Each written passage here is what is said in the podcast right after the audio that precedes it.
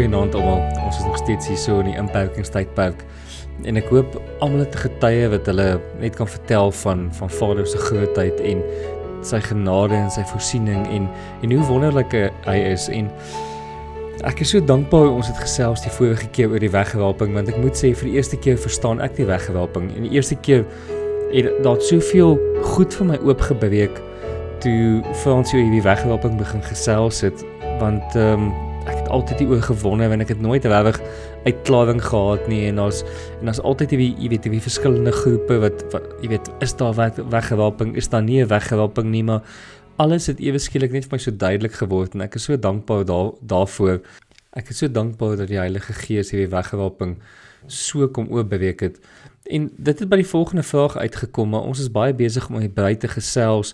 Mense hoor dit uit uit klomp verskillende oorde uit met verskillende mense wat praat oor die bruid en ons het selfs nie vorige podcast genoem.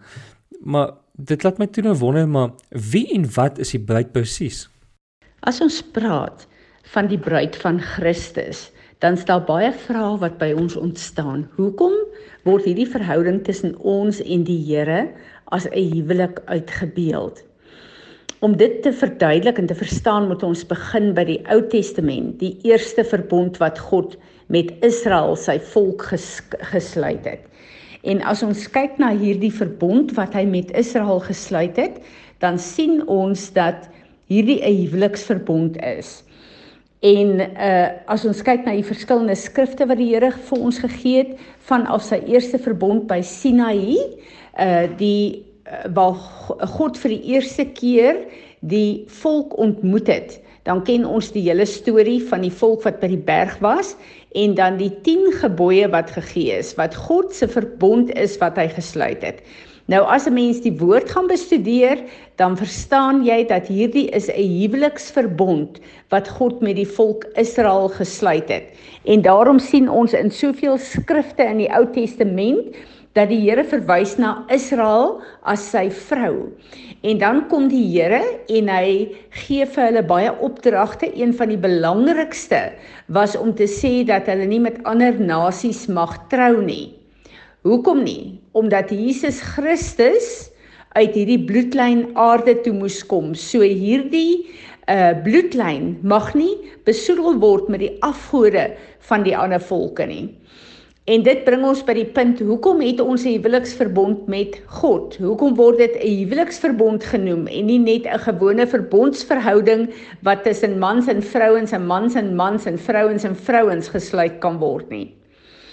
Dis baie interessant om te kyk dat ons in God se beeld en gelykenis gemaak is en dat God se plan vir Adam en Eva was om die aarde te vul en te heers. Nou God se plan geestelik vir die mens is ook om die aarde te vul en te heers. En net soos daar fisies mense gebore moes word om die aarde te vul, so moet daar ook geestelik 'n koninkryk van God gevorm word in die gees. En dit sien ons in die Nuwe Nuwe Testament baie duidelik met die liggaam van Christus. So as iemand in die gees aan God verbond uh, verbind is, dan kan daar 'n geestelike volk ook ontstaan waar daar nie net 'n fisiese volk moet ontstaan nie. En uh dis baie interessant dat die huwelik soos wat dit nie fisiese uh uh voortplant en mense voortbring, so word God se planne ook dan deur ons ons word bevrug met die woord van God en daar word geboorte gegee aan God se planne deur ons ook geestelik en dan nou fisies. As ons kyk na die verskillende skrifte in die woord uh, wat vir ons wys dat uh, Israel 'n huweliksverbintenis met God was. Ehm uh, die groot gedeelte wat ons na kyk is natuurlik die huwelik self by die ehm um, die die berg Sinaï wat dan die eerste uitstorting was van die Heilige Gees in die Ou Testament en ons sien dit vandag in die Nuwe Testament met Pentekost of Shavuot waarheen ons nou op pad is waar die 'n Heilige Gees uitgestort was op die liggaam van Christus uh, wat uh, die liggaam kom bekragtig het sodat die eerste kerk tot stand kan kom. Ons gaan miskien 'n bietjie later daaroor praat. Maar uh uh as ons kyk na Jesaja na Jesaja 54 is altyd vir my so wonderlike skrif waar die Here kom en hy sê vir Israel, ek julle maker is julle man. Uh so is daar baie ander skrifte Hosea Esegiel waar die Here praat oor sy huweliksverbond met Israel en dat Israel sy 'n uh, 'n uh, volk is, maar ook dan sy vrou is waardeur hy kan werk en voortplant op aarde. Maar as ons kyk na die hartseer verhaal van Israel, God se vrou in die Ou Testament, dan uh, uh, sien ons dat God het sy vrou geskei En ek weet hierdie is baie keer skokkend vir mense omdat hulle dit nie raak sien nie, maar as ons kyk na Jeremia 3, die enigste rede as ons kyk na Moses en die huwelik wat God gegee het vir 'n egskeiding is wanneer daar 'n uh, 'n uh, 'n uh, egbreek was. Dit wil sê wanneer 'n vrou of 'n man gehoreer het, dan mag daar 'n egskeiding kom. Uh dis die enigste rede wat daar was vir egskeiding wat God gegee het. Nou kyk ons in die in die in die boek van Jeremia 3 en dan begin die Here en hy sê uh daar vir Israel return o blacks uh, sliding uh, backsliding children says the Lord for I am married to you. I will take you from one city and two from a family and I will bring you to Zion.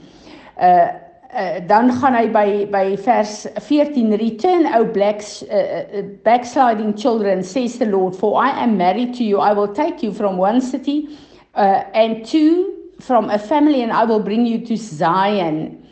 Uh, i will give you shepherds according to my heart and i will feed you. Uh, hier kom die Here en hy kom verklaar hy is ehm um, getroud met hulle. Maar hy sê ook as jy gaan lees die die res van van ehm uh, Jeremia uh, eh, 3 dan sien jy ook die Here kom en hy sê ehm um, jy het gehoreer en jy het ehm um, uh, ek lees vir julle vers uh, 8. Uh, uh, ja. Ehm um, That is to say, if a man puts away his wife and she does uh, goes from him and becomes another man's, Will he return to her again? Of course not. Would not that land, which such a thing happened, be greatly polluted? But you have played the harlot against me with your many lovers. Yet would you now return to me, says the Lord. En hier kom die Here en sê dat uh hulle 'n uh, afgodery, hulle horeerdery met al hierdie ander uh, gode het uh letterlik die land besmet en besoedel. En toe kom die Here op 'n baie baie moeilike plek en hy sê vir hulle in Jeremia 3 vers 8. And I saw even though Judah knew that for this very cause of committing adultery, idolatry, I the Lord had put faith, faithless Israel away and given her a bill of divorce. Yet her faithlessness and treacherous sister Judah was not afraid, but she also went and played the harlot following other idols. Hier kom die Here en sê hy kon nie anders nie, maar hy moes 'n egskeiding tussen homself en hierdie volk doen. Hoe hartseer is dit net nie want God se planne uh vir die bloedlyn van Jesus kon nie deur uh Israel gekom het nie. God moes 'n ander plan gemaak het want hulle afgodery en ondertrouery met volke wat afgode gedien het, het hierdie bloedlyn kom besoedel. En as ons kyk in die Nuwe Testament na Jesus wat uh, in in na op pad was in Jerusalem toe vir die feeste om te gaan aanbid, toe het hy gekom en hy daai hele uh, uh, uh, scenario van die vrye boom waar hy by die vrye boom gekom het en gesê het, ehm um, daar is nie vrug aan hierdie vrye boom nie. En toe hy die vrye boom vervloek en gesê uit jou sal nooit weer vlug vrug kom nie. Wat is die betekenis daarvan? Die betekenis daarvan is dat as ons kyk na die die profetiese beeld van Israel reg deur die woord, dan word Israel uitgebeeld as die vrye boom. Jesus het gekom en hy het na hierdie vrye boom gekyk en die disippels het gesê maar dis nie eens tyd vir die vrye nie. Maar dit was nie oor die vrye boom fisies nie, dit was oor Israel gewees wat Jesus gepraat het. En hy het gesê sê. Hy wou gehad het dat Israel die vrug moes wees van sy koninkryk, van wie hy is vir al die nasies van die wêreld, maar sy wou nie. En daarom het hy gekom en hy het gesê nou vervloek ek jou. Jy sal nooit weer vrug voortbring nie. Wat eintlik dan nou sê dat Israel sal nie gebruik word om die koninkryk van God op aarde uit te dra nie. Uh maar Jesus het 'n ander plan gemaak en ons weet vandag dat Jesus het spesifiek die uh, toegelaat dat die gentiles dis ons inkom en dat die evangelie verkondig kan word sodat Israel se oë kan oopgaan onder andere ook. En dit is die beeld van God met Israel. Israel was die eerste verbond gewees, die eerste huwelik wat God self gehad het met mense op aarde. Maar omdat die mense so ontrou was en weggehoreer het deur hulle sonde, moes God sy vrou skei. Wat 'n verskriklike gedagte. Nou dat ons verstaan hoe die volk van God, Israel, die vrou van God was in die Ou Testament. Nou kan ons kyk na die Nuwe Testament. Omdat Israel nie hulle plek wou inneem in God se raadsplan vir die aarde nie, het Vader God 'n nuwe pad gemaak deur Jesus Christus, sy eniggebore seun. Nou ek en jy weet dat die oomblik as ons Jesus aanneem, dan het hy vir ons 'n uh, deel gemaak van sy verbond, maar Jesus is dan die uh, hemelse bruidegom, die bruidegom wat uh, ons voor voorberei word. Die kerk van Jesus Christus is die bruid. Dis hoekom ons sonder vlek of rimpel moet wees. Dit wil sê daai bruidsrok van ons moet spierwit wees wanneer ons ons bruidegom ontmoet vir hierdie bruilofsmaal wat gaan plaasvind in die hemel. Nou as ons kyk na die uh, bruid van Jesus Christus, dan weet ons dat God nog steeds hierdie uh, verbond met die mens ehm uh, wil volbring want dit is sy raadsplan van die begin af gewees. Nou wie is die bruid van Jesus Christus? Dit is 'n baie interessante vraag want daar's baie baie ehm um, leringe wat rondgaan, maar as ons kyk na die woord en ek dink uh, ons het ook baie goed gekyk na uh, die skrifte toe ons gepraat het oor die wegraping, ehm um, dan sien ons baie duidelik dat elke persoon wat Jesus Christus aanneem as sy persoonlike verlosser en saligmaker, is die bruid van Christus, maar ook almal wat gesterf het as regverdiges in die Here is deel van hierdie bruid. Want hulle gaan opstaan die dag met die wegraping. Ons het duidelik daarmee daaroor gedeel En is baie interessant dat die regverdiges wat gesterf het in die ou verbond, uh dit wil sê in die Ou Testament, gaan deel wees van die bruid van Jesus Christus. So dit is uh die bruid Ou en Nuwe Testament wat saam die huweliksmaal gaan vier in die hemel uh wanneer ons weggeraap word. En uh dis interessant ek uh dink ek het dit die vorige keer ge genoem ook. Ehm um, wanneer ons kyk na die huwelik in Israel, as 'n Jood trou is die huweliksfees 7 dae lank. Uh so dis nie net soos ons in die westerse wêreld ken 'n troue van 'n dag en is verby nie, maar wanneer 'n koning trou, word daar 7 jaar lank 'n huwelik gevier.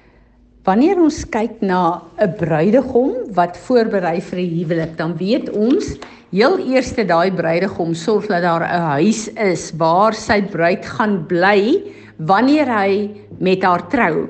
Nou dit maak my so opgewonde om na Johannes 14 toe te gaan. Johannes 14 vers ehm um, 2 wat dan nou ook praat van die wegraping, maar ook dan van wat Jesus vir ons sê. Ek lees vir ons vers 2.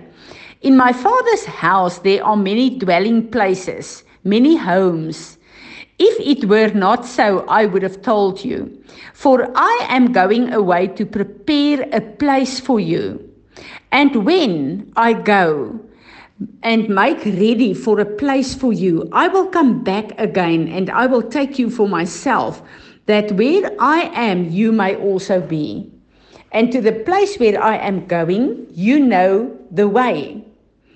Dis so lekker as ons kyk na hierdie skrif en ons weet dat Jesus is op die oomblik besig om vir ons ons huise voor te berei, ons plek voor te berei waar ons saam met hom gaan woon hierdie 7 jaar in die hemel. Eh, gedurende die hemelse bruide bruide uh, uh, se bruilof. En ons het daaroor gepraat dat dit gaan die 7 jaar wees van die verdrukking op aarde maar ek en jy gaan in die hemel wees by Jesus. Ons gaan besig wees met ons huweliksmaal Nou ons weet daar is nie tyd in die ewigheid nie, nie soos ons 7 jaar ken hier op aarde nie, maar in daardie tyd sal ons sekerlik in 'n plek moet woon. En dit is hierdie wonings wat Jesus vir ons gaan voorberei. Een van die groot vrae vir my was altyd ek hoor hoe lyk die hemel uh, as ek kyk na al die skrifte uh, wat wat ons uh, sien in die woord en die strate van goud en al hierdie glorie en hierdie pragt en hierdie praal maar uh, dis nie waar ek wil bly nie. Ek wil in die natuur wees. Ek hou van my tuin ek hou van die natuur ek hou van uh, die plante groei en dit was lank vir my 'n probleem geweest Nou verstaan ek dat hierdie huise waar ons gaan woon, gaan wees gedurende die huweliks uh maal, die huweliksfees van 7 jaar. Wat gaan daarna gebeur? Wat sê die Bybel vir ons daarvan? As ons kyk na die boek van Openbaring, dan sien ons dat wanneer dit die wederkoms van Jesus Christus is, gaan ons almal saam met hom terugkom aarde toe wanneer hy sy voet sit op die olyfberg. Ons gaan almal saam met hom terugkom aarde toe.